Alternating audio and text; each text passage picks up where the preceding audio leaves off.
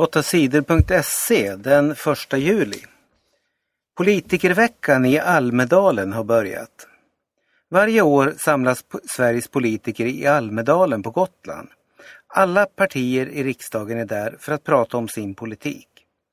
Först ut att tala i år var Kristdemokraternas ledare Göran Hägglund. Han höll sitt tal i Almedalen på söndagen. Hägglund sa att Kristdemokraterna vill göra det bättre för barn som går på dagis. Han vill ha mer personal och mindre grupper för de yngsta barnen. Barngrupperna på dagis har blivit större. Det är dåligt för barnen och för de som arbetar på dagis, sa Göran Hägglund. Det som Kristdemokraterna vill kostar 1,4 miljarder kronor. Det ska betalas genom att avgiften för att ha barn på dagis höjs med 100 kronor. Resten av pengarna ska kommunerna och staten satsa. Göran Hägglund vill också sänka skatten för pensionärerna och för alla som arbetar. Idag måndag är det Sverigedemokraternas ledare Jimmy Åkesson som ska tala i Almedalen. Så här ser programmet ut för resten av veckan. Tisdag Gustav Fridolin, Miljöpartiet. Onsdag Fredrik Reinfeldt, Moderaterna. Torsdag Jonas Sjöstedt, Vänsterpartiet. Fredag Jan Björklund, Folkpartiet. Lördag Annie Lööf, Centerpartiet. Söndag Stefan Löfven, Socialdemokraterna. Stora protester mot Egyptens ledare. Hela helgen har människor protesterat i landet Egypten. Massor med människor är missnöjda med landets president Mohammad Morsi. På söndagen samlades mer än 200 000 demonstranter på Frihetstorget i staden Kairo. De vill att Morsi ska sluta som president. Mohammad Morsi valdes till president i Egypten för ett år sedan. Han blev landets första demokratiskt valde ledare. Före honom styrdes Egypten av diktatorn Hosni Mubarak. Men Morsi har inte blivit omtyckt som ledare. Många är missnöjda med hur han skött landet. De tycker att han gett sig själv för mycket makt. Många tycker också att han misslyckats med att lösa landets ekonomiska problem. Det blev bråk mellan poliser och demonstranter på flera ställen i landet i helgen. Minst sju människor dödades i bråken och flera hundra skadades.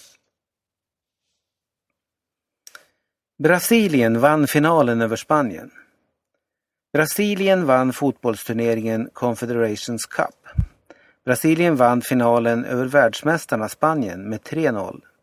Fred gjorde två av Brasiliens mål. Neymar gjorde ett mål. Nästa år är det fotbolls-VM i Brasilien.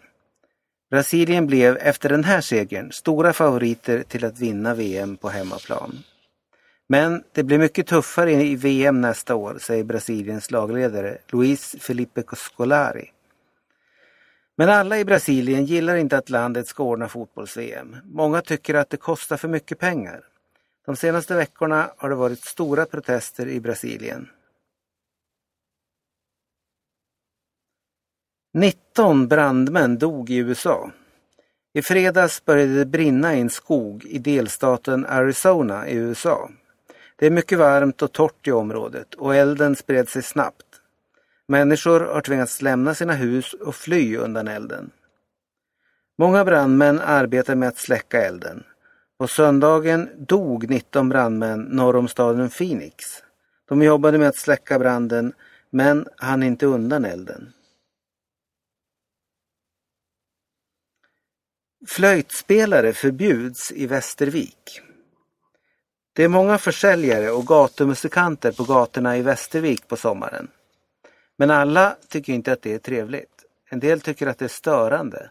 De tycker att försäljarna är jobbiga och tjatiga. Nu har politikerna i Västerviks kommun tröttnat på folklivet. De förbjuder folk att sälja saker och spela på gatorna. Det blir bland annat förbjudet att spela panflöjt och sälja visselpipor. Men politikerna säger att korvförsäljarna ska få vara kvar. Folk i Västervik ska kunna köpa en korv på gatan även i framtiden. Abeba Aregawi vann igen. Abeba Aregawi är Sveriges nya stora stjärna i friidrott. I helgen vann hon ännu ett lopp i tävlingsserien Golden League. Hon vann 1500 meter i Birmingham på tiden 4.03.70. Hon sprang ifrån tvåan Jekaterina Charmina i spurten in mot mål.